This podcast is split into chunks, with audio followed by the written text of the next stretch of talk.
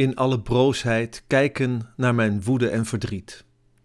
Dit is het tweede deel van een tweeluik waarin ik terugkijk op mijn burn-out. Ze kwam met bloemen uit de kerk en een goed woord aan de deur. Ik wens je toe dat je niet de oude wordt. Ze zag de verwondering op mijn gezicht. Ik wens dat je een nieuwe wordt, want de oude heeft je ziek gemaakt. Dat was een waar woord om mee te nemen in de woestijntijd van mijn burn-out.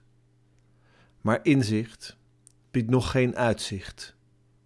Het was ook gewoon een kwestie van doorgaan, de ene voet voor de andere zetten, accepteren dat er nog een weg te gaan is en dat de weg zichzelf maar zal wijzen. In die tijd zag ik een documentaire over Anthony Gormley. Ik kende deze Britse kunstenaar niet, maar het klikte meteen. De menselijke sculpturen die hij maakt kijken uit over zee of vanaf een berg. Ze staan mager in een woestijn of gehurkt aan de rand van het Markermeer. Ze roepen iets op van herkenning en verlangen.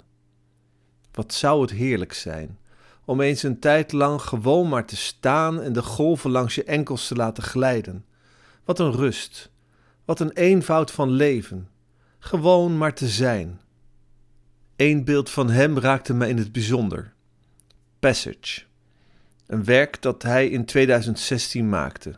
Het is opnieuw een menselijke sculptuur, maar het is ook een tunnel van 12 meter lang waar je doorheen kunt lopen. Als in een labyrint kun je erin labyreren zonder te verdwalen, steeds verder de krochten van jezelf en van je ziel in. En hoe verder je komt, des te donkerder wordt het.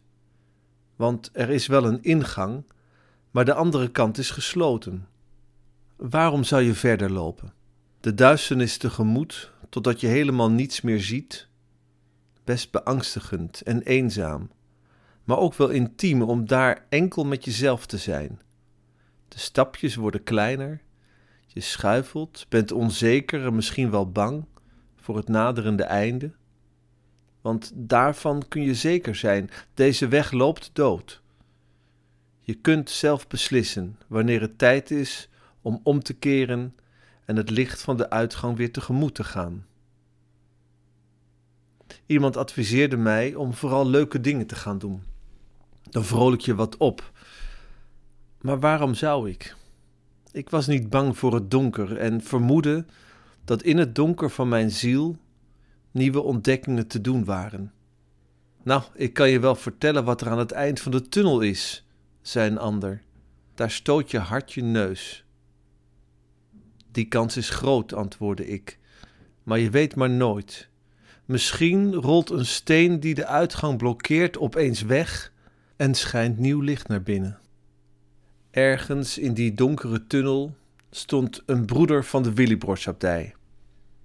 Heb je al eens gehuild? vroeg hij. Als ik jouw verhaal hoor, dan hoor ik heel veel verdriet en teleurstelling. Het was het eerste gesprek dat ik met hem had. Heb je al eens gehuild? Nee, dat had ik niet. Ik houd niet van zelfbeklacht en van zelfmedelijden. Flink zijn en doorgaan is mijn devies, vooral aan mezelf.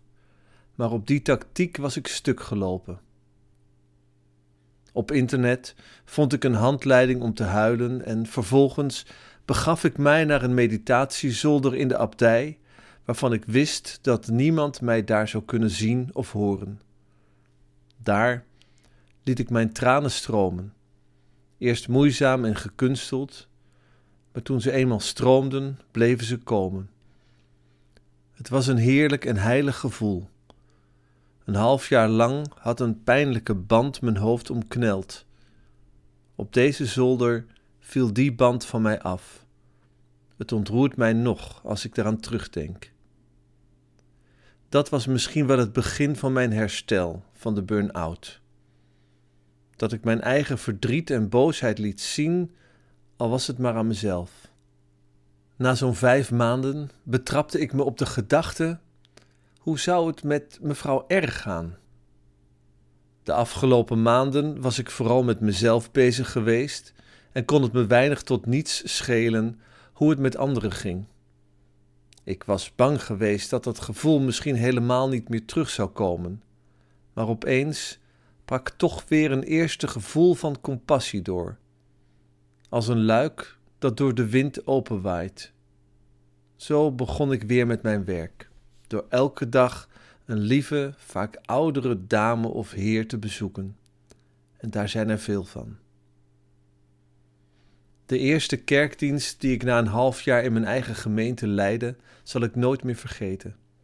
De kerk zat veel voller dan anders, alsof de verloren zoon was teruggekeerd en er feest werd gevierd.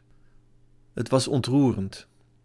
Na afloop zei iemand bij de deur: Ik vind het verschrikkelijk wat er met je gebeurd is. Ik gun het mijn ergste vijand niet. Ik zei het niet, maar dacht het wel. Ik gun het mijn beste vriend. Want als ik terugkijk op die tijd, denk ik niet aan een slechte tijd, maar eerder aan maanden die anders en vreemd waren. Het was een woestijntijd, die uiteindelijk heilzaam was. Prediker zegt terecht dat alles zijn tijd heeft.